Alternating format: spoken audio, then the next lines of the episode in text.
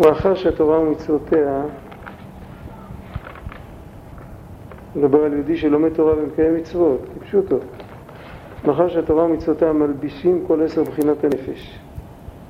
מדוע הם מלבישים כל עשר בחינות הנפש? אמרנו שכשיהודי מדבר בתורה, כשהוא עושה בתורה, אז הוא מלביש את המידות. את המידות ואת המלכות. חסד גבוהה תפארת נצח עוד יסוד מלכות זה מתלבש במעשה המצוות ובדיבור בדיבור של תורה, בדיבור של תפילה וכשהוא לומד תורה על מנת להבין מה שהוא לומד או שהוא מתבונן בגדולת השם עם הבינה שבנפש אז הוא מלביש שם את שלושת הראשונות שזה חוכמה, בינה ודעת אז יוצא מזה שאם יהודי עוסק בתורה ובמצוות באופן כללי אז כל עשר בחינות הנפש עסוקים בתוך התורה שהוא לומד, בתוך המצוות שהוא מקיים, אם הוא עושה את זה נכון. אה, לא מדובר על אחד שעושה מצוות אנשים מלומדה. כשהוא עושה מצוות אנשים מלומדה, אז רק הלבושים פועלים, הכוחות לא שם.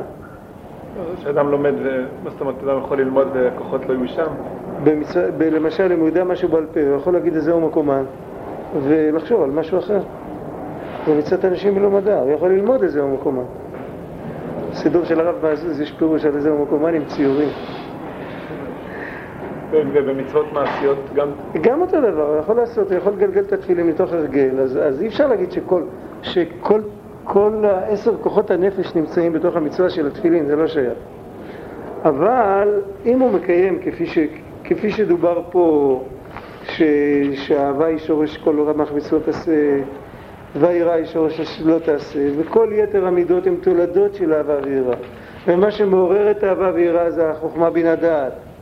והמלכות זה כבר הקיום, הקבלת עול מלכות שמיים, לעשות את זה. ממילא כל עשר כוחות הנפש מלובשים בתוך, ה... בתוך מה שהוא עושה.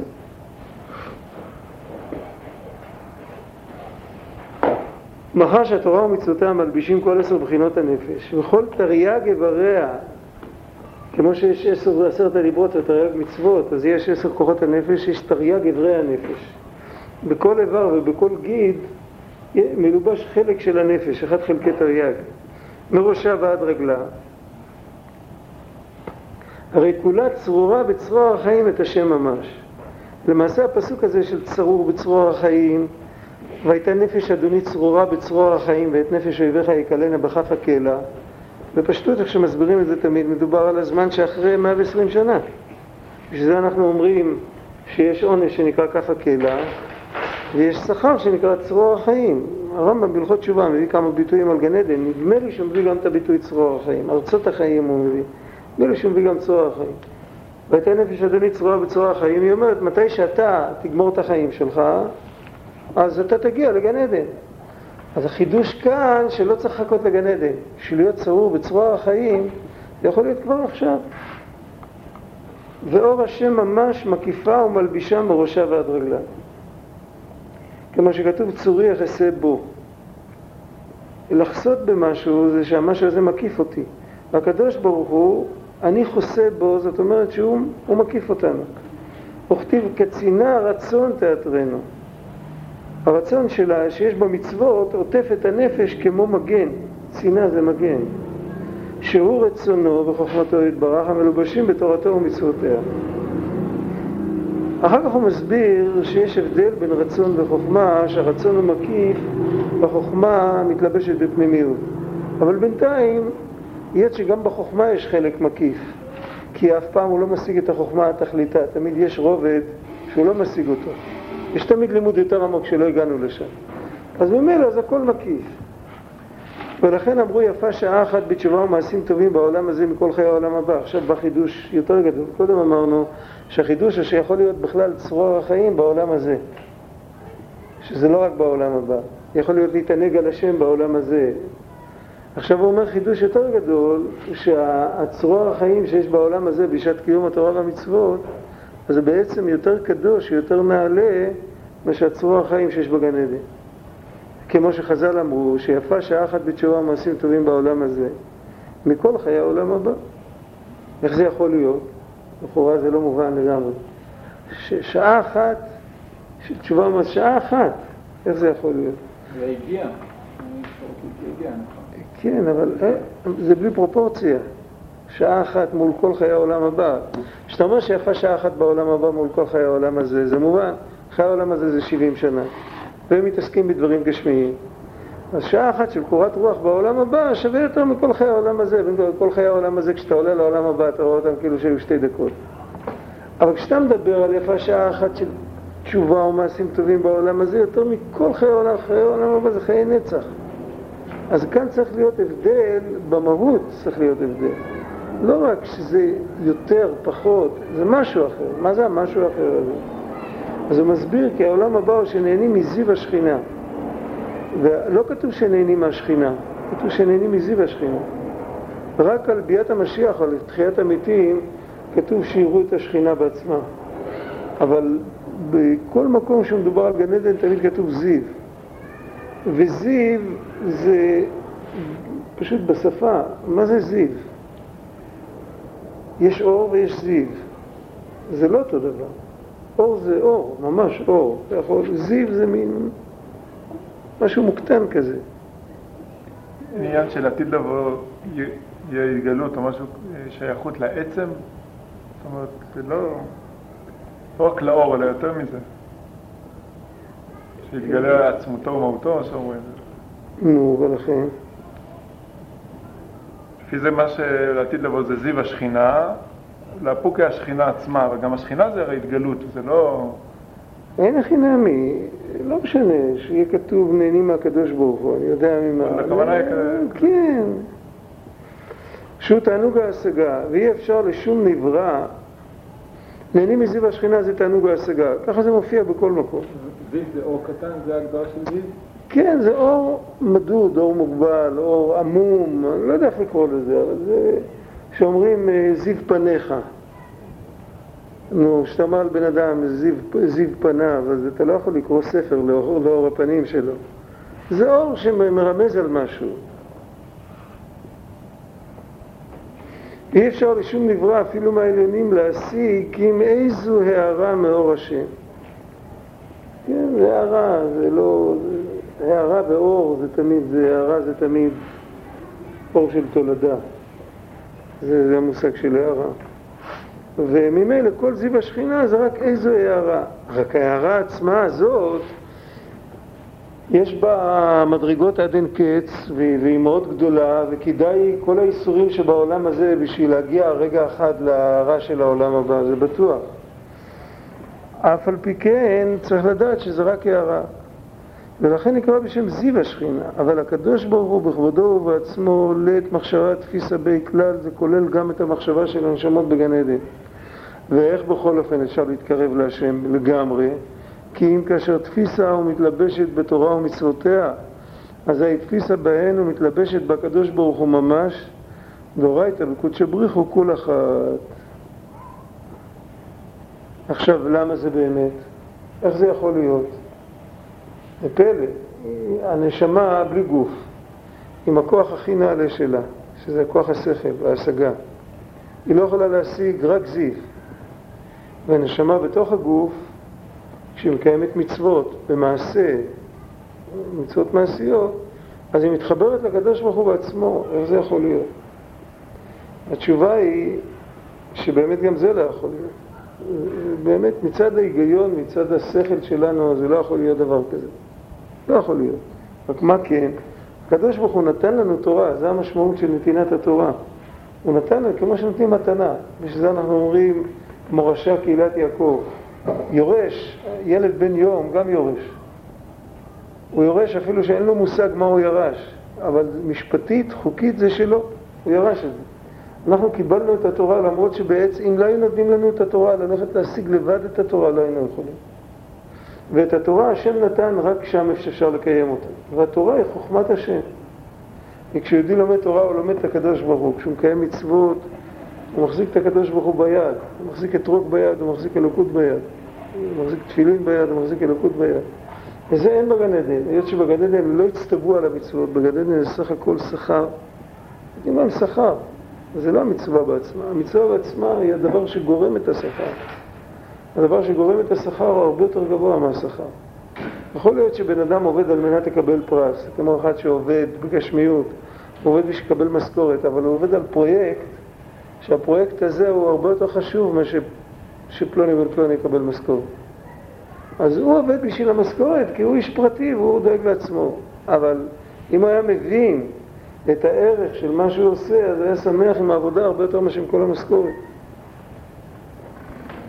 ממילא כאן, בזה שהוא מקיים מצווה שהקדוש ברוך הוא נתן וציווה עליו ויש לו בחירה, הוא מתייגע לקיים את המצווה, אז הוא מתקרב לקדוש ברוך הוא באמת.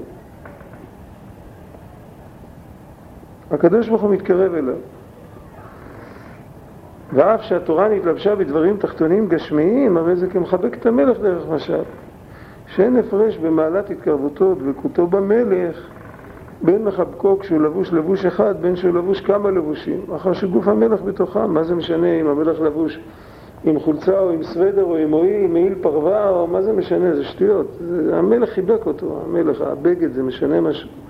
הקדוש ברוך הוא רוצה שאנחנו נשמע בקולו, אז יש דברים ששומעים בקולו על ידי זה שחושבים, שמדברים, ויש דברים ששומעים בקולו על ידי שהולכים עם הרגליים. אז הכל אותו דבר, זה רק להתלבש בלבוש יותר נמוך, זה לא משנה. וכן אם המלך מחבקו, הוא מדבר קודם, הוא מדבר שהוא מחבק, הוא מחבק את המלך. אותו דבר אם המלך מחבקו בזרועו, גם שהיא מלובשת תוך מלבושיו, כמו שכתוב, וימינו תחבקני שהיא התורה שניתנה מימין, שהיא בחינת חסד ומים. כתוב מימינו אש דת למו, התורה מצד אחד היא אש, יש בה גם לא תעשה, יש בה גם עונש, יש בה, זה אש, זה גבורה. אבל נתינת התורה הייתה באופן של חסד. נותנים לנו את התורה בלי הגבלות. זאת אומרת, התורה עצמה היא מדודה שנוכל להבין אותה. זה גם חסד, חסד הכי גדול. כי נותנים לנו את התורה כמו בעולם העליון, לא היינו מבינים שום דבר, איזה חסד זה היה. נתנו לנו, צמצמו את התורה ככה, השם צמצם את התורה שנוכל להבין אותה, ועכשיו, אחרי שאנחנו מבינים אותה, אז החסד הוא שעל ידי התורה הזאת אנחנו תופסים בתוך התורה. יש שם את כל הקדושה. עכשיו, קצת להבין את זה ב... ב... אז יש מצד זה שהיא מצומצמת וחסד מזה שהיא ניתנה לנו בלי גבול? היא ניתנה לנו בלי גבול מבחינת הקרבה לאלוקים שאפשר להשיג על ידה. זה המושג האמיתי של החסד. אני סיפרתי פעם, שמעתי פעם איזו יהודייה, יהודייה זקנה שסבלה הרבה צרות. אמרה שהיא ביקשה מהאבא שלה, היה יהודי גדול, היה פוסק הלכה, היה רב, ביקשה ממנו שיתפלל עבורה. אז הוא אמר לה, מה את חושבת, שהקדוש ברוך הוא אבא שלי והוא סבא שלך? הוא אבא של כולנו. עכשיו, האמת שבאמירה הזאת, אני לא יודע איך היא הבינה את זה, יהודייה, אבל יש באמירה הזאת, יש אה, משהו מאוד מאוד עמוק באמירה הזאת, בגלל שיש דברים שהולכים ככה. נגיד, אה, יש אה, רב ותלמיד, והתלמיד של התלמיד, זה הולך בסדר כזה, הוא האבא שלו, והוא הסבא שלו, והוא הנכד, והוא הנין, וכולו וכולו וכולו. אבל יש עניין, למשל, שרש"י למד עם התלמידים שלו תורה, ו- ולומדים תורה, לומדים, אה, לומדים חומש. יהודי לומד חומש עם רש"י, וכולם לומדים חומש עם רש"י. להגיד שילד קטן שלומד בחדר חומש עם רש"י, והוא מבין אחד חלקי מיליון ממה שהבין התלמידים של רש"י. אז שייך להגיד שהקדושה של התורה היא פחות כשהילד הקטן לומד אותה? זה לא נכון. זה הבל אין בו. אבל לא מצד זה. זאת אומרת, מצד שהשגה היא פחות, אז, אז הקדוש ברוך הוא כאילו אבא של רש"י, הוא הסבא רבא של הילד הקטן שלומד בחדר, זה לא שייך להגיד דבר כזה.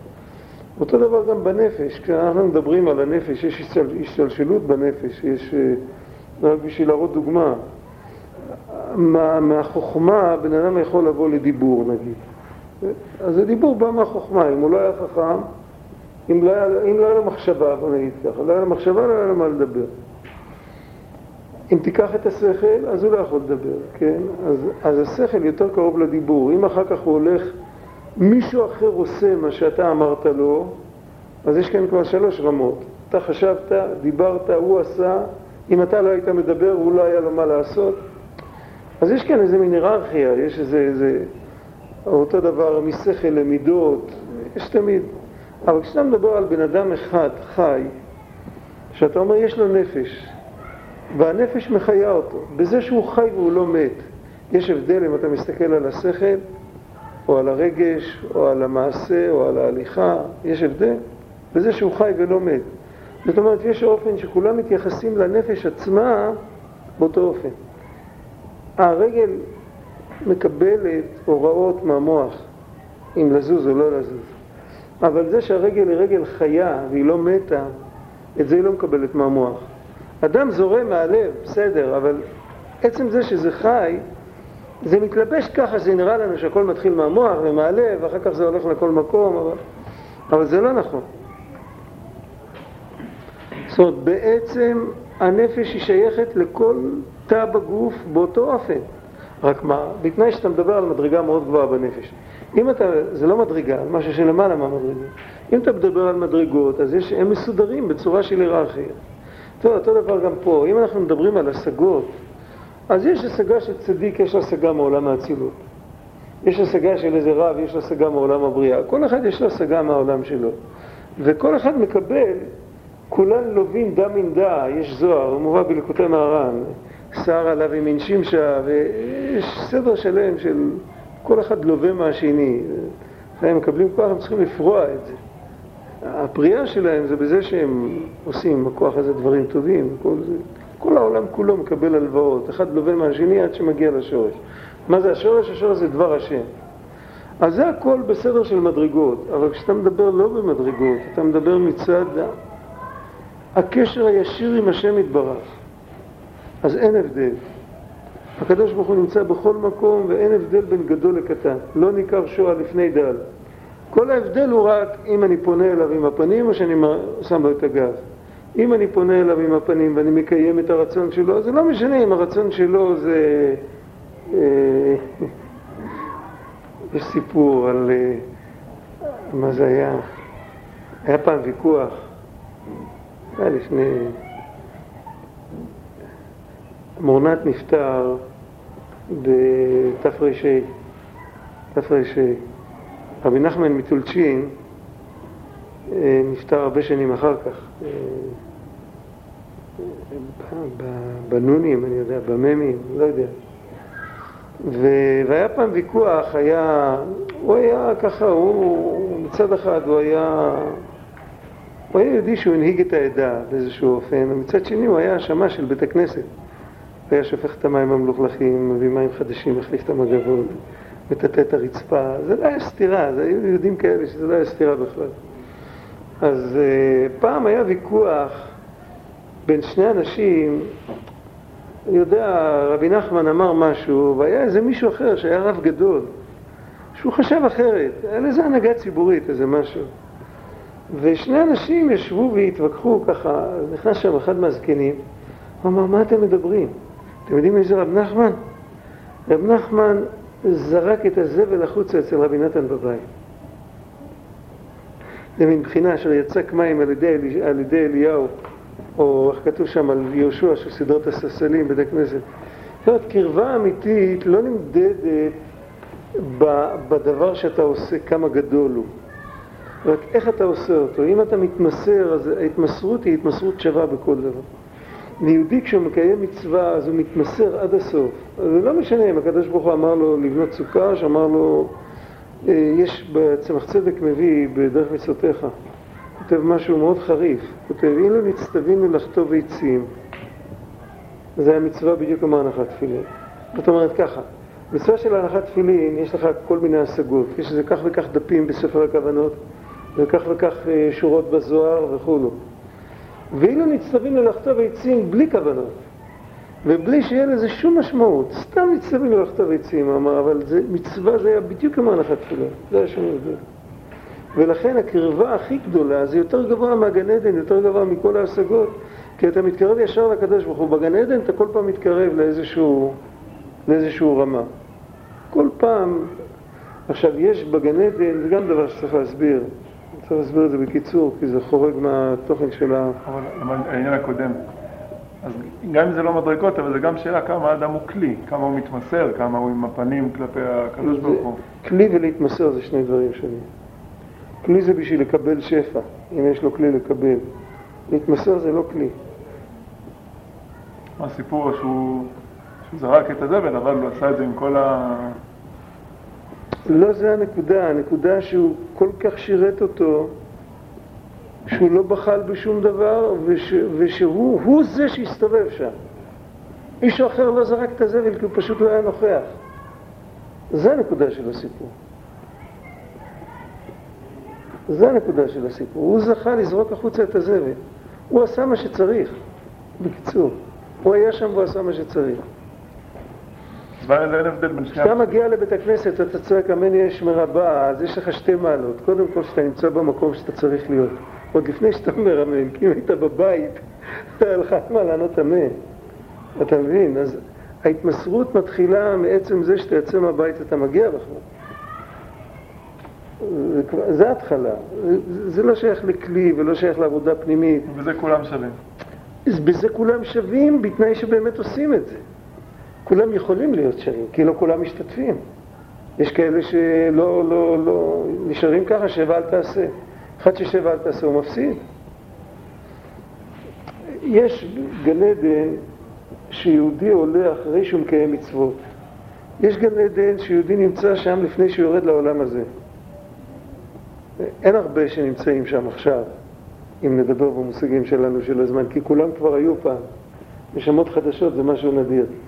אבל אני מדבר על הרמה התיאורטית.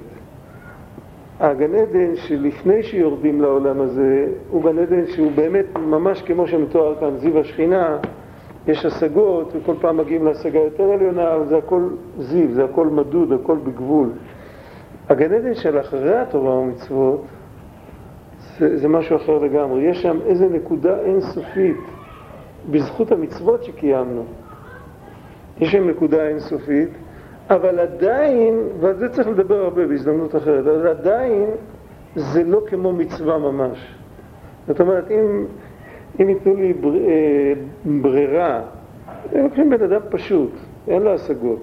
ברגע שהוא עולה לגן עדן הרי הוא מקבל השגות. אז מה כדאי לו יותר להיות עוד שנה בעולם הזה ולהניח תפילין בלי השגות, או להיות את השנה הזאת בגן עדן וכן לראות את ההשגות של כל מה שהוא עשה? אז נגיד מה כדאי לו, אז ב' יכול להיות שיותר כדאי לו להיות שם, אם מדברים על כדאי. נוח לו. אבל, מה נוח לו, כן.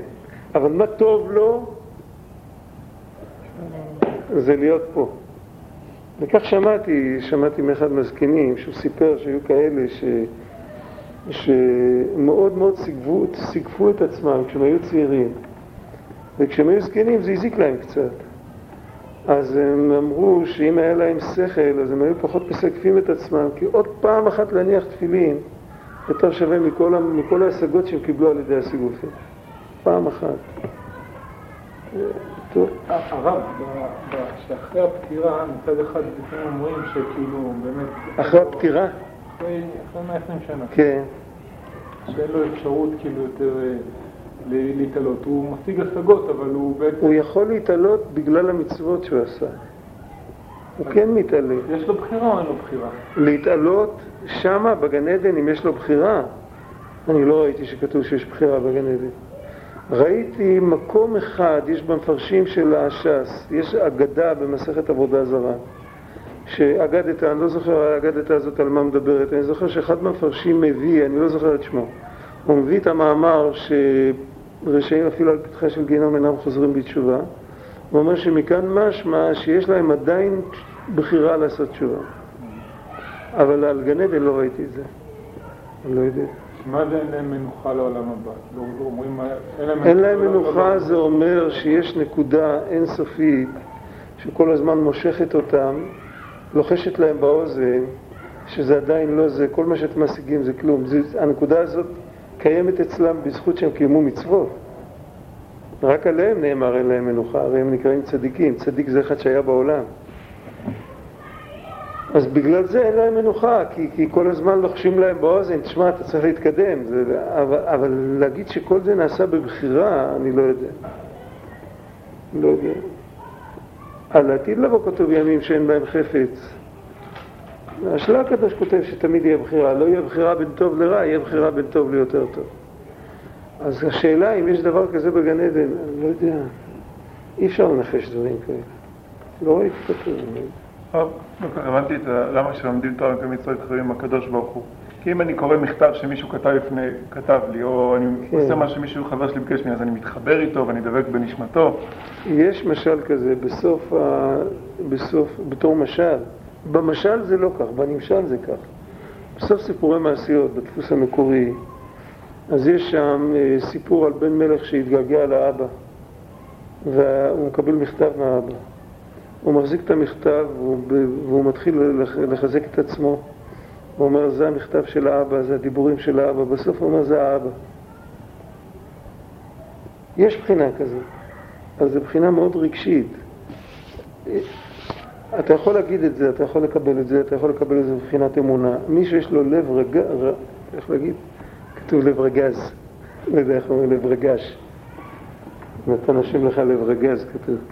מי שיש לו לב רגיש, לב מרגיש, אז הוא יכול להרגיש כשהוא מקבל משהו, בפרט משהו עם מילים, הוא יכול להרגיש ממש, אה, ממש קרבה הרבה יותר מאשר לראות פנים אל פנים. זה קודם כל, זה תשובה לפי, לפי, הש, לפי ה, איך קוראים לזה? לפי המשל. אבל האמת שבנמשל זה באמת אחרת, כי בנמשל הקדוש ברוך הוא בחר להתגלות דרך, ה, דרך הדברים האלה. והוא לא שהוא בחר לגלות את הדברים האלה, אלא שהוא בחר להתגלות דרך זה. דרך התורה ודרך המצוות הוא בחר להתגלות. יש ביטוי בחז"ל, כבדו את המצוות שהם שלוחי, הוא שלוחו של אדם כמותו. זה לא כתוב על מלאך, זה לא כתוב על שרף, זה לא כתוב על ספירה. אף פעם לא כתוב שלוחו של אדם כמותו, על שום מדרגה, לא בקבלה, לא ב... ועל המצוות זה כתוב, כבדו את המצוות שהם שלוחי, שלוחו של אדם כמותו. זאת אומרת שהקדוש ברוך הוא מגלה, כשאתה שולח שליח, אז אתה עושה, אז המעשה מתייחס אליך, לא מתייחס לשליח, השליח הוא כלום. זאת אומרת שיהודי מחזיק מצווה ביד, אז יש לו את הקדוש ברוך הוא. עכשיו, לפתח את הרגש לזה, זה, זה, זה, לא, זה עבודה. זה עבודה של מחשבה, של דיבור, של תפילות, של... אבל זה האמת. עכשיו יש לנו, מבחינת אמונה על כל פנים. צריך להאמין שזה כך. זה הרי מצווה, זה הרי משנה בפרקי אבות. טוב, ולתוספת ביאור באר היטב, יש כאן ביטוי קשה קצת בהתחלה. לשון תפיסה שאמר אליהו, לית מחשבה תפיסה בך. לכאורה היה צריך להיות כתוב, לית מחשבה משיגה בך. מה זה תפיסה? מה זה, כי תפוס הייתי בך. איזה אהבה אמין היה לי שאני כן תופס. אתה צריך להגיד שלא תופס. הנה, כל שכל, כשמשכיל או משיג בשכלו איזה מושכל, הרי השכל תופס. התשובה לשאלה. שכל, העניין שלו זה לתפוס. כמו שתפסתי בזווית העין, כמו שהעין תופסת והאוזן תופסת, קולטת אומרים, אז אותו דבר השכל הוא דבר שתופס. הוא תופס את המושכל, הוא מקיפו בשכלו. זאת אומרת, אם זה שכל כזה שאני הבנתי אותו עד תכליתו, אז הוא ממש הופך להיות חלק ממערכת המושגים שלי. אני הפנמתי אותו, אז אני מקיף אותו. הוא עכשיו מתפקד בתוכי כמו תא במוח, בדיוק אותו דבר. כן, זה, זה נתפס, זה הפך להיות חלק ממני. והמושכל נתפס ומוקף ומלובש בתוך השכל שהשיגו והשכילו. זה פרק אחד, זה עניין אחד. זה מה שקורה בדרך כלל. וגם, אבל יש משהו שקורה ב, בעת תהליך הלמידה. לפני שאני קלטתי אותו עד תכליתו, בזמן שאני מתייגע בשביל להבין מה קורה אז, אחרי שאני מבין, השכל תפוס אצלי, כן? השכל הוא שלי. כשאני מתייגע להבין משהו, אני של השכל. אני עכשיו כולי תפוס במשהו, אם ידברו אליי, יכול להיות שאני לא אשמע, כי אני כולי מרוכז בתוך משהו. השכל הזה תפס אותי. לפעמים בן אדם אומר, הספר תפס אותי. קראתי ספר, הספר תפס אותי. לא יכולתי לעזוב אותו. מה זה נקרא, הספר תפס אותך? שבאותו רגע לא, היית, לא היה פינה אחת במוח פנויה למשהו אחר. עכשיו תארו לעצמכם ששני הדברים האלה קורים ביחד. זה יכול לקרות. כשבן אדם לומד משהו, מצד אחד עדיין מתייגע על זה, למה הוא מתייגע? הוא הבין כבר. הוא מתייגע כי הוא רוצה לזכור את זה. הוא מתייגע כי הוא רוצה להוציא מזה את העניינים המעשיים שמתחבאים פה. מה זה אומר לי? הוא ממשיך לחשוב למשל, הוא הבין עד הסוף. ממשיך לחשוב מה זה אומר לי מבחינה רגשית. מה מלוא המשמעות של זה לגביי. יש הרבה מה לחשוב על דבר אחרי שמבינים אותו. מה זה אומר לי מבחינה מעשית? מה זה אומר לי בן אדם למקום? מה זה אומר לי בן אדם לחברו? לפעמים בן אדם רואה שורה בגמרא הוא יכול לחשוב עליה אחרי שהוא הבין אותה. אפשר לחשוב הרבה. עכשיו, מה קורה אז? מצד אחד, השורה הזאת היא כבר חלק ממנו, היא תפוסה בתוכו, מצד שני הוא תפוס לגמרי בתוכה. זאת אומרת, למעשה, לפרק זמן הזה, עד שהוא סוגר והולך, אז כאילו שיש כאן מין התאמה של חלקים שהתחברו ביחד, וכל אחד מצא את השלמות שלו בשני. זיווג כזה. קשה לתאר את זה בגשמיות, בהתאחדות. וכמובן שכשהוא מדבר כאן על שכל, אז זה צריך להסביר, זה לא מדובר כאן סתם על איזה מהלך אינטלקטואלי, על אחד שיש לו ראש טוב והוא לומד איזו סוגיה והוא מבין אותה והוא יודע איך להסביר אותה. זה לא כל כך, זה, זה מדובר על משהו שמדבר אל הבן אדם, מדבר אליו, אל, אל כל הבן אדם. וזה שכל אמיתי, זה שכל לקדושה. למה לא... בשכל רגיל זה לא, לא מתאחד לגמרי. אתה לא רואה את ההבדל. שכל מבין, כמו שהתיאורים של הרב הסביר, זה נראה כן, אבל הנפש עם השכל הם תמיד נשארים שני מהויות.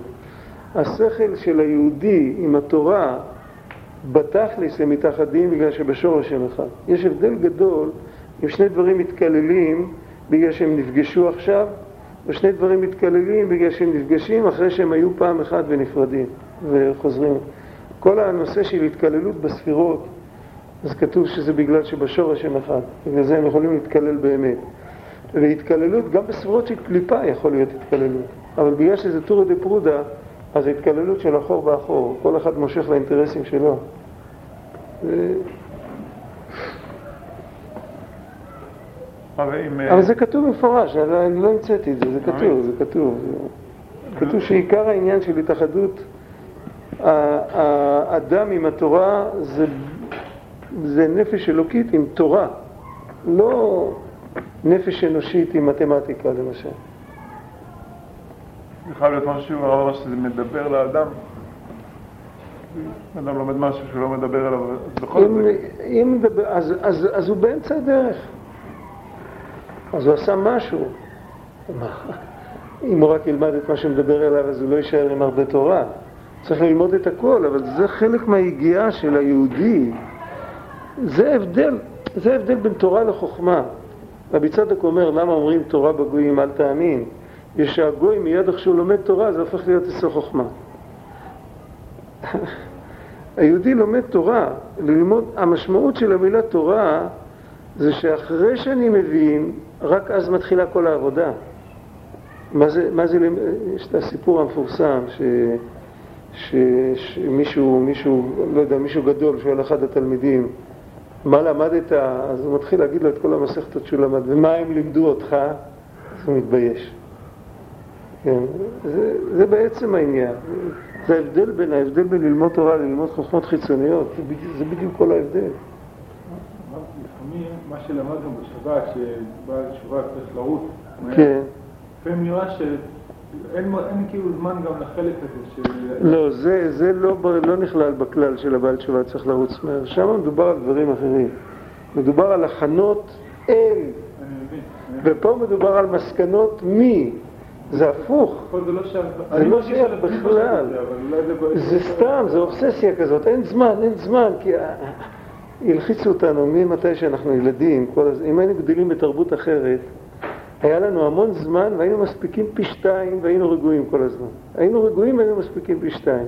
אנחנו גדלנו בתרבות לוחצת, אז יש לנו תחושה שאין לנו זמן, ובסוף אנחנו לא מספיקים שום דבר. זה כבר הנטו. זה, לא זה, זה, זה אפילו לא יצר הרע, זה, זה, זה שיגעון של, ה, של, של, של המקיף, של הסביבה. מה זאת אומרת שהיינו מספיקים פי שתיים? כי, כי כשבן אדם הוא רגוע והוא עושה את הכל לאט, הוא מגיע הרבה יותר מהר. הוא, הוא מספיק, כי הוא לא מבזבז כוח, הוא לא מבזבז אנרגיה על המתח שלו. והוא עושה כל דבר מדויק. אתה יודע, בן אדם זריז, זה לא אחד שמכפתר את החולצה יותר מהר.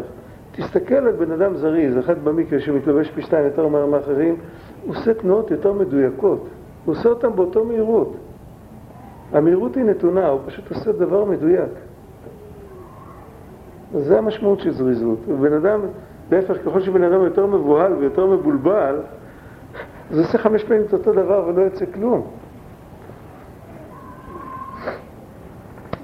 אבל יש איזה עניין כאילו של להקיף, שעד שאתה לא מקיף אז באמת אתה לא יכול... בסדר, אבל אחרי שהקפת, אחרי שהקפת אז מתחיל העניין. העבודה האמיתית מתחילה ברגע שאני מבין משהו. זה שאני מתבונן בדבר כדי להבין אותו, זה סדר הלימוד. אבל זה שאני הולך להתאחד עם הדבר, זה מתי שאני למדתי אותו. זוכר, רב נחום גולדשמיד עליו השלום. הוא אמר, הוא תמיד היה מסביר פה את הקטע הזה, הוא אמר, זה תמיד מתי שבן אדם כבר למד והוא יודע, ועכשיו הוא מתיישב על זה פעם שנייה. ואני זוכר עוד את הקול שלך שמצלצל לי באוזניים, ככה. זה לא יכול להיות, בפעם הראשונה זה לא, זה לא שייך כל העניין הזה. בפעם הראשונה זה ככה, זה החלק שאתה כבר קלטת, קלטת, עכשיו אתה לא עוסק בו, אתה עוסק בשורה הבאה. החלק שעוד לא קלטת, אתה לגמרי בו, אבל הוא עדיין לא בך, כי עוד לא הבנת אותו. זה הכל כשיש, כשאפשר להסתכל על עניין כמו על תמונה, כך הוא היה מתאר את זה. יש תיאורים כאלה גם בספרים, ראיתי. כשבן אדם אחרי שהוא מבין את הכל, אז הוא עוצר ומסתכל על הכל, והוא יכול, יש זה בהקדמה של ליקוטי מהר"ן, האמת. וגם בביור הליקוטים יש רמז לזה.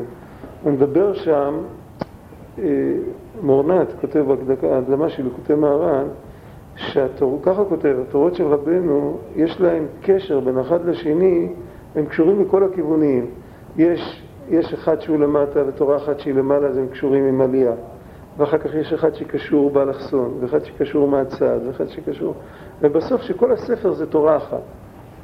עכשיו מי שיכול להסתכל על הכל כך, מורנת יחד, זה ספר, זה ספר הפוך, הרי האמת, כשאנחנו רואים, אז מכל תורה אפשר לעשות ספר. הוא כותב שאפשר לקחת את כל הספר, וכאילו לראות שזה דבר אחד. האמת שבכל תורה עצמה אפשר לראות את זה.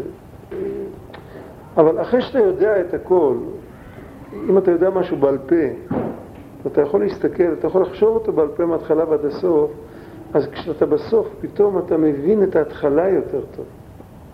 זה דברים ידועים. ואז אתה יכול להתחיל לשקוע בזה. ואז קורה דבר מעניין. מה שקורה זה שהדבר שקוע בך לגמרי, ואתה שקוע בדבר לגמרי, ואתה לא יכול להתעסק עכשיו בשום דבר. זה לא ש... אה, את זה אני כבר יודע, נעביר את זה ככה, בינתיים אני יכול לדבר עם מישהו. זה לא הולך ככה. ואז יש מין התאחדות, וזה באמת משפיע בנפש. צריך להסביר את זה, יש בעבודת הבירורים, שכתוב בשאר הכוונות, בכתבי אריזל בכלל, יש, יש מושג שנקרא עבודת הבירורים. לברר את הניצוצות שנפלו מעולם התור, לברר את הניצוצות שנפלו בתוך הדומם צומח חי. עבודה גדולה. איך זה נעשה? אז יש שלוש עבודות של בירורים. יש עבודה אחת שנעשית מתי שבן אדם אוכל, מתי שהוא גר בבית, מתי שהוא לובש בגד, אז בכל דבר יש ניצוצות של קדושה, וכשהוא משתמש בהם לשם שמיים, אז הוא מברר את הניצוצות. אם הוא יברר את כל הניצוצות ששייכים אליו, אז הכלי יישבר, או שהוא ימכור אותו, אם, אם יש ניצוצות שייכים למישהו אחר, ימכור אותו למישהו אחר. זה אופן אחד. האופן השני זה כשהוא מתפלל. כשהוא מתפלל, אם הוא מתפלל בכוונה, אז הוא לא רק מברר את הניצוצות של האוכל שהוא אכל אתמול, שעם הכוח הזה הוא מתפלל היום, אלא שהוא מברר את הנפש שלו. כי כשבן אדם מתפלל, הוא עומד פנים אל פנים מול השם, אז הוא עושה תיקון בנפש. הוא כבר לא יכול להיות כל כך קמצן, או כל כך אה, רשע, או כל אני לא יודע מה. הוא, הוא עושה תיקון בנפש. הנפש הרי יש גם שייכת לקליפה, הנפש הבעמית, ויש בה ניצוצות מעולם התור. אז כשהוא מתפלל, אז הוא מברר ניצוצות. עכשיו, יש עוד סוג של בירור, שזה נעשה מתי שיהודי לומד תורה. מתי שיהודי לומד תורה, הוא מקדש את הנפש שלו. איך, מה, הנפש הבאמית משתתפת בלימוד התורה? אז כשמדובר על לימוד כזה, שכל כולו תפוס בתוך הלימוד, אז גם הנפש הבאמית שלו משתתפת. אחרת היא הייתה מפריעה לו עם מחשבות אחרות. היה מרגיש הפרעות כל הזמן. ככה הוא כל כולו בתוך העניין, וכל העניין בו. וההתאחדות הזאת היא מעדנת את הנפש הבעמית שלו. אז יש עניין של ברור ניצוצות שנעשה על ידי תפילה. ככה כתוב. אה, נעשה על ידי תורה. עכשיו, בליקוטי מרן כתוב שעיקר בירור הניצוצות נעשה כשלומדים הלכה. כשכמו שמפרידים את הטוב מהרע מבחינה הלכתית, בכל הסוגיה, אחד לומד בית יוסף ארוך, הוא לא יודע, בסוף הוא לומד את השולחן ערוך, הוא רואה בדיוק, אז אותו דבר נעשה בנפש. איך זה נעשה בנפש? עכשיו למדנו ביור איך זה נעשה בנפש.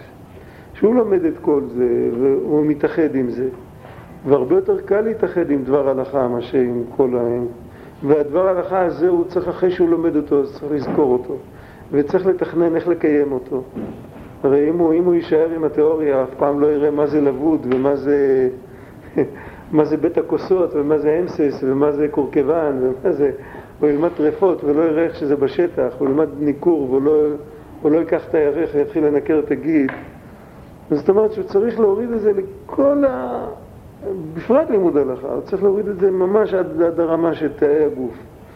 אז אה, זה, זה, מזכ, זה, זה מזכך את הנפש, זה מתקן את הנפש. זה מפריד בין הטוב לרע. יש איזה כמה אגרות פה בסוף, לעניין הזה של לימוד הלכה, איך שאיזה בירור זה עושה בנפש, במציאות. אה, עוד משהו קטן הרב. כן. אמרנו שצריך לראות את כל התמונה כולה, ואז כן. להתחיל להתבונן. כן. בגלל שהתורה היא קשורה, אז כל הזמן נראה שיש עוד משהו שצריך להקיף לפני שמתחיל. כן, אז בשביל זה יש בנפש, יש את כוח הגבורה, שהוא אומר לבן אדם סטופ, זה היחידה שלי, כמו בית ספר. זה יחידת הלימוד, אני מתעסק עד שאני יודע את זה, עכשיו אני יושב לעבוד על זה. היתר אני דוחה לנגלה הבאה. זה צריך ממש, צריך אה, כוח של גבורה.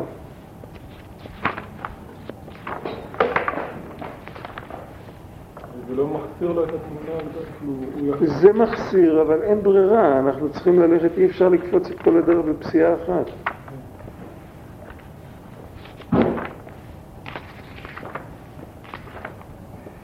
הנה, איגרת הקודש כ"ט היא קשורה למה שאנחנו לומדים עכשיו.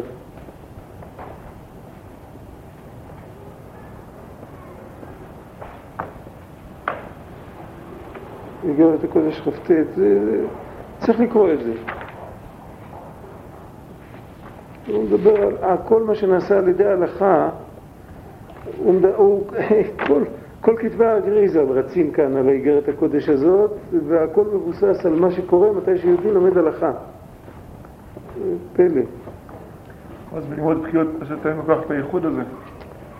אבל תראה, בוא נגיד, בוא, יש עוד, עוד אופן איך שאפשר לעשות את זה, זה אופן יותר פשוט, ככה, שיהודי מתפלל אחרי כל דבר שהוא לומד, שהוא יזכה לקיים את זה, אז כבר יש לו את העניין. כי כשהוא לומד, הוא, הוא מבקש באופן פרטי שהוא יזכה לקיים את זה ואת זה ואת זה. כשהוא לומד uh, כל מיני וריאציות, שאלות ששואלים רב, אז שיזכה לכל הפחות שאם ישאלו אותו שידע מה לענות.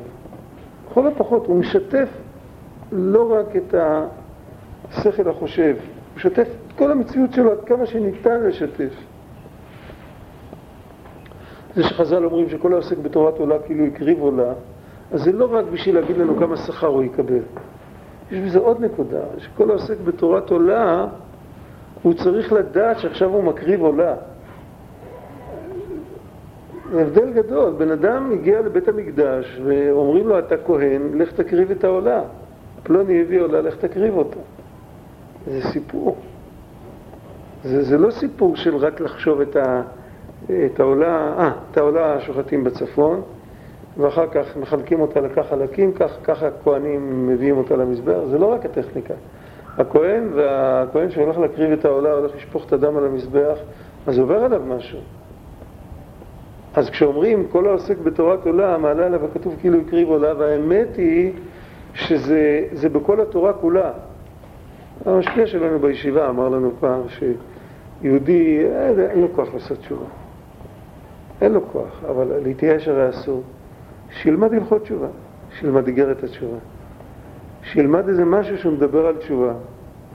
אז לכל הפחות איזשהו תיקון הוא כבר עשה, אבל מה, בתנאי שהוא יודע והוא מאמין שבתורה יש את הכוח אז מה זה עושה? אם הוא יודע שמתי שהוא לומד הלכות של תשובה, אז מעלה עליו הכתוב כאילו עשה תשובה, אז הלימוד אצלו הולך אחרת. הוא לא רק לומד, אה, הנה, כך וכך עושים תשובה. ואותו דבר כל דבר. ויכול להיות שבן אדם לומד יורד דעה ואף פעם לא יבואו לשאול אותו שאלה כזאת, שאלה מסובכת שקורית פעם, אני לא יודע מה. והוא לא הולך להיות רב בכלל. אף על פי כן הוא מתייחס, יש עליו את, ה, את הכאילו שהוא היה רב, הוא ישב באיזה קהילה ובאה בדיוק שאלה כזאת חמורה, כאילו שהוא התיר את העגונה וכאילו שהוא אסר את זאת שאסור לאסור אותה, הוא הציל יהודים מייסורים. כל זה עובר עכשיו בנפש שלו. אז אם הוא לומד עם אמונה כזאת, אז הוא כבר לא יכול להתייחס רק לשכל. הוא כבר לומד כמו חסיד, הוא כבר לא לומד כמו פרופסור. אבל אם הוא לא מאמין, אין לו את ההקדמה הזאת של האמונה, של, של ברכת התורה, מה שנקרא, אז באמת הוא והתורה נשארים שני דברים. בסדר, הוא תייק אינפורמציה במוח. זה לא זה. ובאמת חוכמות חיצוניות לומדים באמת ככה. אין, אין שום עניין מה לעשות איתם. למדתי, הבנתי, זכרתי, גמרנו, הלכתי.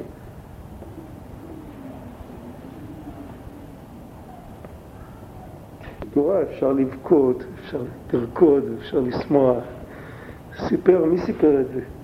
לא זוכר מי סיפר, בירושלים מישהו, שהיה, הוא הגיע מחוץ לארץ, הוא הכיר אותה, הוא אמר, היו כאלה שהיו קמים לחצות. הוא סיפר על מישהו שהיה קם לחצות, ועל כמה, בעצם הוא סיפר את זה על כמה, היו קמים חצות, ואחרי תיקון חצות היה להם קביעות ללמוד טור עם בית יוסף, עד, עד שחרית. זה ו... והוא סיפר שהיו רואים אותם כל כמה שורות, היו מרימים את העיניים למעלה ושני נחלי דמעה היו זורמים להם על הלך היין. אני לא יודע איך לומדים ככה. אבל אה, עובדה, ככה יהודים למדו תורה. הם לא היו אדמו"רים, לא היו מי יודע מה, יהודים. טוב. דרך משל, מה, אולי לא קראנו את המילים האחרונות, וגם השכל מלובש במושכל, בשעה שמשיגו ותופסו בשכלו, הוא חייב להיות עסוק. זה, הכוונה מלובש זה להיות עסוק בזה. דרך משל, כשאדם מבין ומשיג איזו הלכה, במשנה או בגמרא, הוא מדבר על הלכה, זה קשור עם אותה איגרת, לאשורה על בוריה, הרי שכלו תופס ומקיף אותה, וגם שכלו מלובש בה באותה שעה.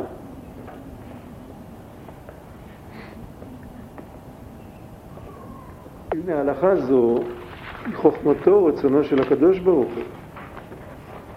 זה חלק מהעניין. אם הוא לא זוכר שזה חוכמתו ורצונו של הקדוש ברוך הוא, אז שעלה ברצונו שכשייטון ראובן כך וכך דרך משל, ושמעון כך וכך, הוא תופס הלכה, כמו שאמרנו, הלכה שהיא לא שגורה, זה לא איך להניח תפילין, תופס הלכה שבאים לדיין, והוא מחדד את זה עוד יותר. כשייטון ראובן כך ושמעון כך, יהיה פסק ביניהם כך וכך, ואף אם לא היה ולא יהיה הדבר הזה לעולם, לבוא למשפט על טענות ותביעות אלו. זה כבר הריחוק הכי גדול. מכל מקום, מאחר שכך עלה ברצונו וחוכמתו של הקדוש ברוך הוא, שאם יטעון זה כך וזה כך, יהיה הפסק כך. הרי כשאדם יודע ומשיג בשכלו פסק זה כהלכה הערוכה במשנה או גמרא או פוסקים, הרי זה משיג ותופס ומקיף בשכלו רצונו וחוכמתו של הקדוש ברוך. זה מה שצריך להיות לו בראש מתי שהוא לומד. דלת מחשבה תפיסה ב... ולא ברצונו וחוכמתו, כי אם בהתלבשותם בהלכות הארוחות לפנינו. וגם שכלו מלובש בהם. הוא עסוק בתוך ההלכה, וההלכה נמצאת בתוכו, והוא ייחוד נפלא שאין ייחוד כמוהו ולא לא כערכו כלל, נמצא כלל בגשמיות להיות לאחדים ומיוחדים ממש מכל צד ופינה. על איזה גשמיות הוא מדבר כאן? יש מכתב מהרבי שהוא כותב שהגשמיות שהוא מדבר כאן זה חוכמות חיצוניות. זה הגשמיות, הוא לא מדבר על גשמיות, מה שייך בגשמיות, זה לא רלוונטי גשמיות. בחוכמות גשמיות, ההתאחדות של האדם עם החוכמה היא טכנית, היא לא מהותית. ההתאחדות של יהודי עם התורה זה משהו מהותי בגלל שבשורש הם דבר אחד. הם נפרדו, ועכשיו כשהם מתאחדים אז הם כאילו חזרו לעצמם.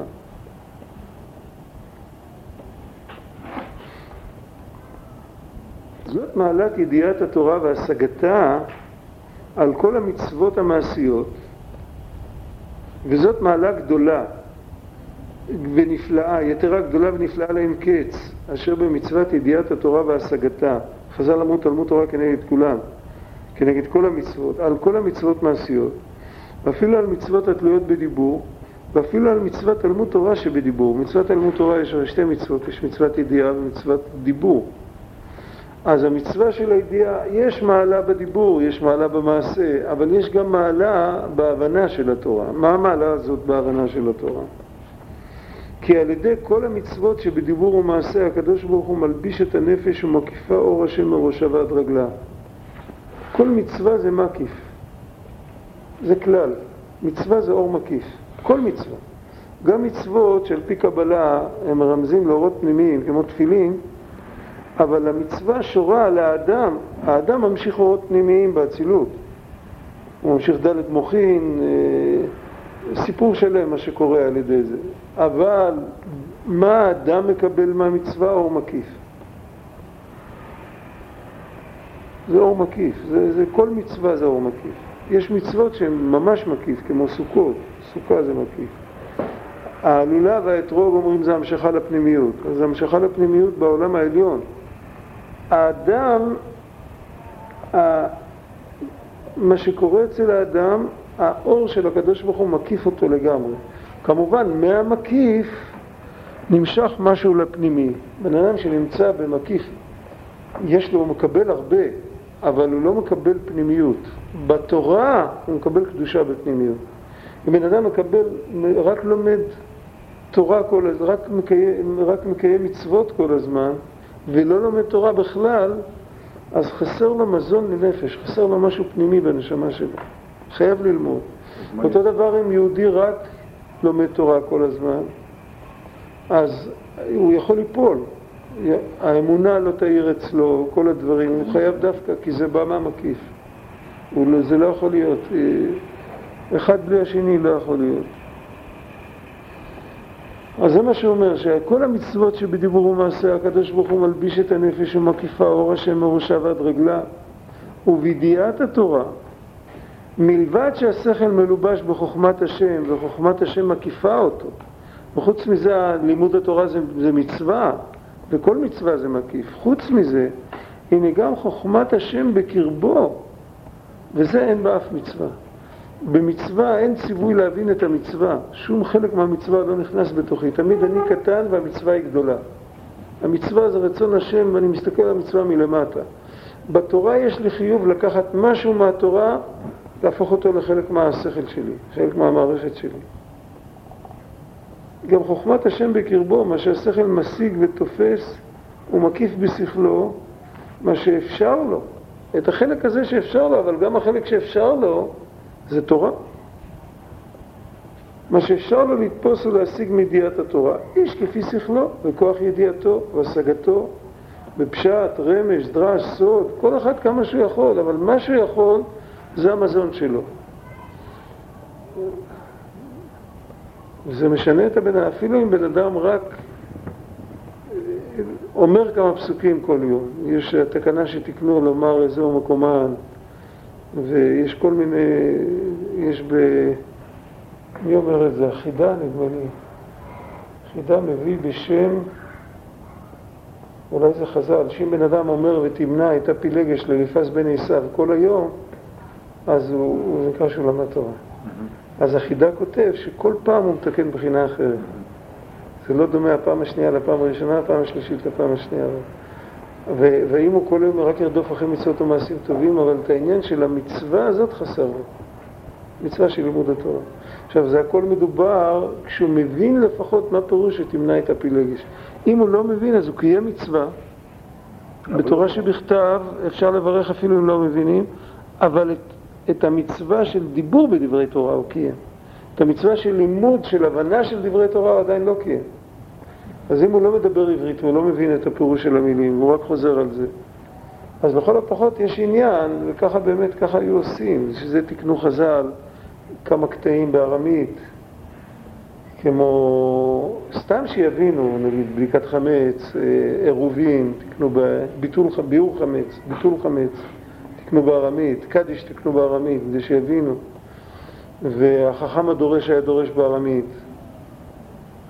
אה, מי שלא היה מגיע לחכם הדורש, אז אמרו עליו דברים מאוד קשים. יהודים שלא למדו, זה היה כל הלימוד שלהם. מנעו בניכם מן ההיגיון, לא לקרוא כתובים בשבת אחרי הצהריים, כי נמנעים מהדרשה. אבל בינתיים אתה קורא כתובים, זה תורה ואתה מבין, מדובר על יהודי תלמיד חכם שיכול לקרוא. אבל השכן שלך ילמד מזה שזה לא חשוב להגיע לדרשה. הוא יישן. ואז אצלו זה הלימוד היחיד כל השבוע, הוא לא לומד שום דבר חוץ מזה. ובקיצור, להסביר את זה יותר טוב, שמעתי פעם אחד הרבנים, הוא דיבר, הוא דיבר לילדים. הוא הסביר את זה, לילדים תמיד הם מסבירים הכי יפה, דווקא אנשים הגדולים. אז הוא אמר שיהודי שלא לומד תורה, הנשמה שלו רעבה, כמו בן אדם שלא אוכל. ואנחנו לא מרגישים, אבל אם היינו מרגישים את הצעקה של הנשמה, פשוט היינו מתים מרחמנות. אי אפשר, אי אפשר לחיות נכון בלי ללמוד תורה. כמו שמרעיבים בן אדם, יכול לחיות 70 שנה, מרעיב את הנשמה שלו 70 שנה. ואיימו בלי מצוות, כמו שלוקחים בן אדם, גונבים לו את כל הבגדים שלו. המחיש את זה לילדים ככה. יכול להיות שיש לו מזון, אבל הוא מתבייש, וקר לו, וחם לו, והוא נשרף, הוא, הוא כופה, ורע לו. אין לו את המקיף ששומר עליו. ובלי זה ובלי זה בן אדם לא יכול להתקיים. ואיך חז"ל קבעו וגידה בו יומם ולילה כעצמה של שחרית? בגלל, אפשר, אפשר גם עם אוכל גשמי להתקיים, עם קצת. עכשיו, באמת על זה יש מאמר של הרבי מתשי"ב שמתחיל וארא אל אברהם אל יצחק אל יעקב בקל שדי ושם יש, בתוך המאמר חסידות, יש שם באמצע סוגיה בהלכה, באמצע המאמר, זה דבר מאוד מעניין. הוא מביא ששואלים איך יכול להיות שבלימוד התורה יש הבדלים כאלה גדולים בשיעור של הלימוד בין אדם לחברו. לא מצינו, אתרוג כביצה, לולב דלת טפחים. בשיעור של לימוד התורה זה אינדיבידואלי. יש לך פרנסה, אתה יכול לשבת ללמוד כל היום, אתה חייב. אין לך פרנסה, תעבוד, תרוויח, תלמד פרק אחד שחית, פרק אחד ערבית. זה מובן, אבל, אבל למה, מה קרה בתורה שכזה הבדל? אז הוא אומר שם, שבאמת אה, משמע שם שככה על פי פשט מאוד קשה להסביר את זה.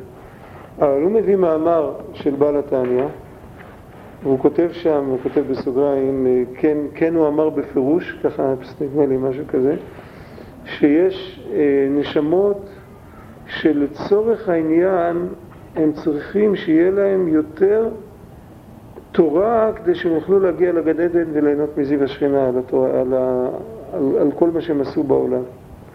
שהתורה היא גם מזון וגם לבוש, והחלק הזה של הלבוש חסר להם, כי אחרת זיו השכינה שבגן עדן יפרק אותה. הם לא יוכלו לקבל. ולכן הם צריכים ללמוד הרבה, ואז הקדוש ברוך הוא נותן להם פרנסה ברווח כדי שיהיה להם אפשרות ללמוד הרבה. עכשיו, אם הם לא עושים את זה, למרות שיש להם את הפרנסה, אז הם מקלקלים, אז הם לא יוצאים ידי חובה. השם כן, יש כאלה שהם צריכים פחות לבושים. יש להם נשמה יותר גבוהה, יותר גדולה, יותר זה. הם לא צריכים כל כך הרבה לבושים. מצד שני, בעולם יש להם יותר מה לתקן, אז אה, אז הם מקבלים חיים אחרים, מקבלים חיים בצורה כזאת שהם צריכים הרבה לרדוף אחרי הפרנסה, ואז הם עושים את התיקון בצורה כזאת. וממילא זה מתבטא בהלכה ככה. אבל זה, זה לא פירוש על פי פשט. אני לא יודע, על פי פשט... אה, לפי, לפי מה שלמדנו, למה כל כך קל ליפול לסתם? אם זה אור שמתחבר לשני דברים שהיו פעם דבר אחד, למה כל כך קל ליפול בתורה לסתם? זה נראה כאילו איזשהו דרך כזאת כלולה. הסם המוות לא, הוא לא חלק מהתורה. יש פסוק סביב רשעים מתהלכו. כשמתואר השורש של הקליפות, מרכבת יחזקאל, אז כתוב, וראיתי והנה רוח שרה וענן גדול, ואש מתלקחת, ונוגה לו סביב. תמיד מסביב לקדושה. וכדי להגיע לקדושה עוברים דרך הקליפה, ויש מי שנתקע שם. הוא לא ינק את הסמרית מהתורה. זה שיש שתי כוחות בתורה, זה כשאתה מסתכל מרחוק. אבל תמיד, יש, יש דבר כזה, יש שומר הסף. לפני כל מדרגה בקדושה יש איזה מניעה. כדי להגביר את החשק, לא משנה, אבל יש איזה מניעה. ומי שנכנס, והמניעה יכולה להיות מניעה שמונעת אותך מלהיכנס לקדושה הטכנית, ויכולה למנוע אותך מלעשות את זה לשם שמיים. היא תיתן לך להיכנס לקדושה, אבל היא, היא תיתן לך לעשות את זה עם זיוף. עכשיו, יש בני אדם שמשתכנעים בקטע שהם עוברים שם, משתכנעים משומר הסף.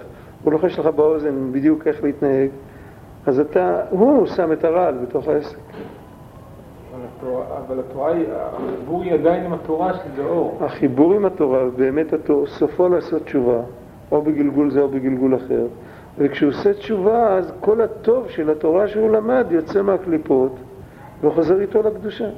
בשביל זה כתוב שלעולם יעסוק אדם בתורה ומצוות אפילו שלא לשמה, אפילו שזה סם המוות.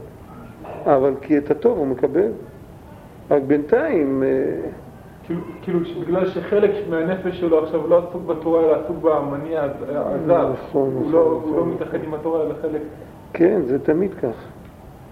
הוא טרמפיסט. בפניות, חלק הוא, כן, הוא, הוא בפנייה. והפנייה היא על התורה.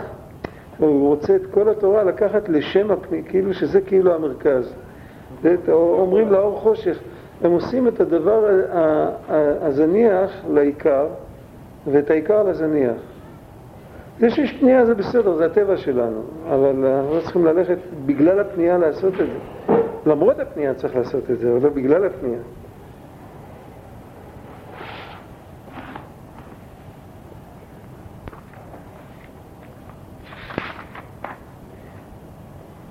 ולפי שבידיעת התורה, התורה מלובשת בנפש האדם ובשכלו ומוקפת בתוכם, לכן נקראת בשם לחם ומזון הנפש. זאת אומרת, כאן הוא מדבר על החלק שהוא כן מבין, זה עמוד 18.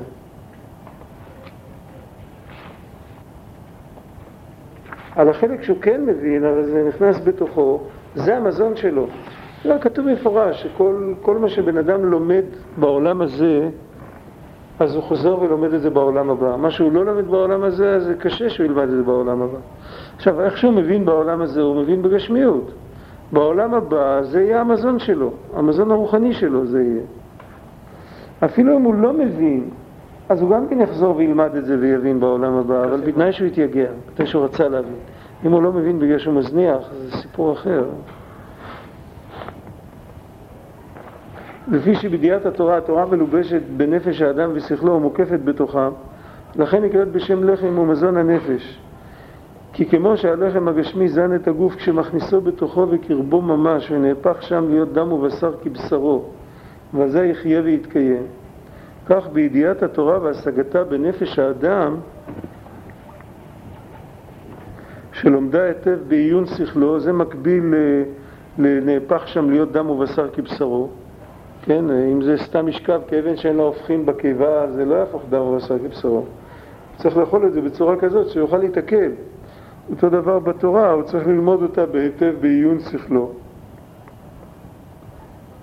עד שנתפסת בשכלו ומתאחדת עמו והיו לה אחדים, אז נעשה מזון לנפש וחיים בקרבה, הנה כאן כתוב שהנשמה והתורה באים מאותו שור, זה לא כתוב במפורש, אבל זה הרמז. זה חיים בקרבה מחיי החיים, אין סוף ברוך הוא, המלובש בחוכמתו ותורתו שבקרבה. וחיי החיים זה הרי, מה, זה, מה הפירוש הפשוט של חיי החיים? מה זה, מה זה חיי החיים? מקור החיים, מה זה החיים? הנשמות. עכשיו הוא אומר, התורה מקבלת את, ה, את הכוח להיות מזון לנפש מאותו שורש של הנפש, מחיי החיים. וזהו שכתוב בתורתך בתוך מאי. מה פירוש תורתך בתוך מאי? זה משל ונמשל. כמו שהאוכל בתוך המעיים, הבן אדם חי מזה, אותו דבר התורה נכנסת במוח, הבן אדם חי מזה.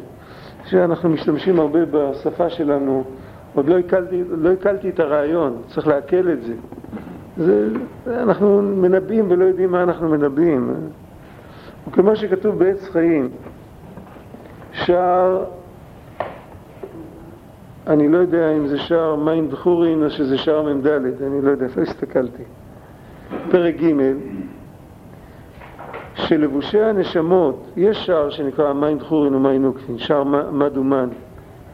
אז יכול להיות שזה השער הזה, ויכול להיות שיש שער מ"ד. יש חמישים שערים, יש שער מ"ד. יכול להיות שזה שער מ"ד.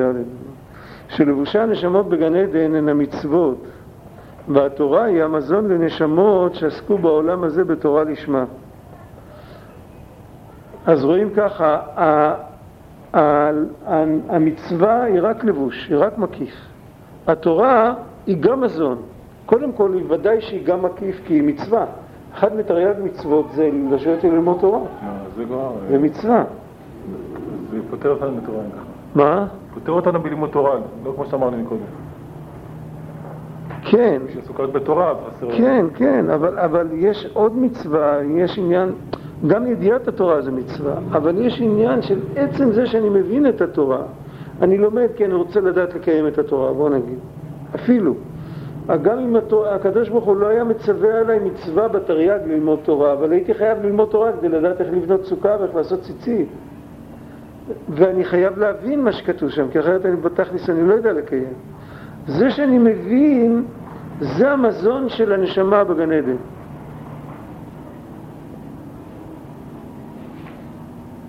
אבל הוא מגביל את זה, המזון לנשמות שעסקו בעולם הזה בתורה לשמה. כמו שכתוב בזוהר ויקהל, דף רישיות. מה זה לשמה? יש הרבה רמות בלשמה, יש הרבה, הרבה מדרגות בלשמה. אז הוא כאן הוא מביא ולשמה, הוא מביא מהאריזל, שבעניין הזה לשמה היינו כדי לקשר נפשו להשם על ידי השגת התורה, איש כפי שכלו. קודם כל יהודי שלומד תורה מתקשר לקדוש ברוך הוא. זה עיקר לימוד התורה. באותו רגע הוא פורש מכל אבלי העולם והוא לומד את, דברי השם, הוא לומד את מה שהשם ציווה אל משה, שיצב את בני ישראל, שיחבר את בני ישראל. זה המשמעות של צו, תחבר אותם. גם אם, אין לו דעת בלימוד. הוא מתחבר להשם גם אם אין לו דעת. אם הוא רק מבין מה שהוא לומד... לא מבין, הוא פשוט חושב, הוא, מרוכז בלימוד. זה כן. התחברות השם, רק אם יש לו דעת, שהוא... לא, אם יש לו דעת אז התקרבות יותר, הוא מקרב עוד כוח להשם. אבל כל חלק מההוויה שלו, שהוא מקרב להשם, והוא לומד כדי להתקרב עם החלק הזה להשם, זה כבר איזה פרט בעבודה של לימוד תורה לשמה. כמו שכתוב בפרי עץ חיים. עכשיו...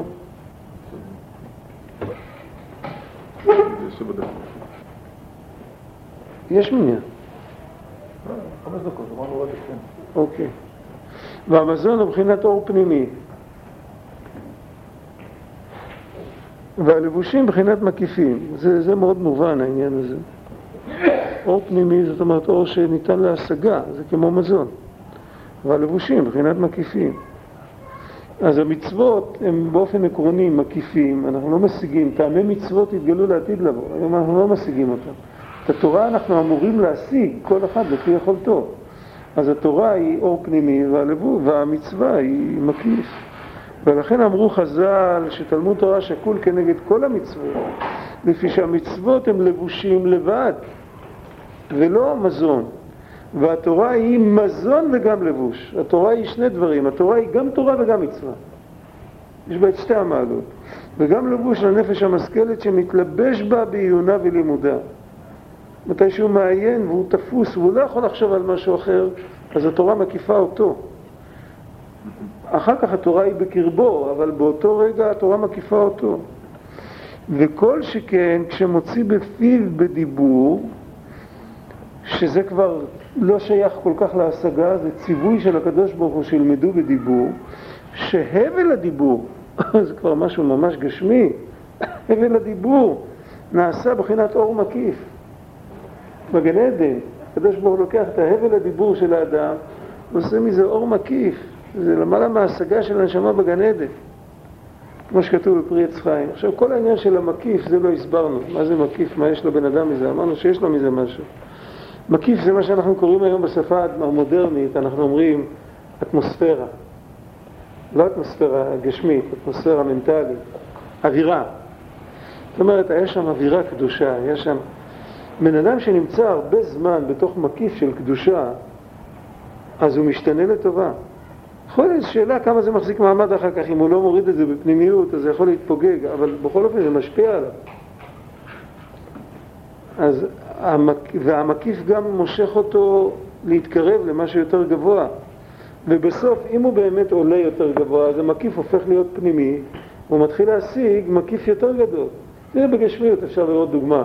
הוא נכנס לאיזה בית מדרש, הוא רואה שכולם צדיקים שם, כולם לומדים בהתמסרות ומתפללים, ובן אדם לחברו, בן אדם למקום, הוא לא מבין איך אפשר לחיות כך, אבל הוא מאוד מתרשם, הוא, הוא נורא רוצה להיות כך.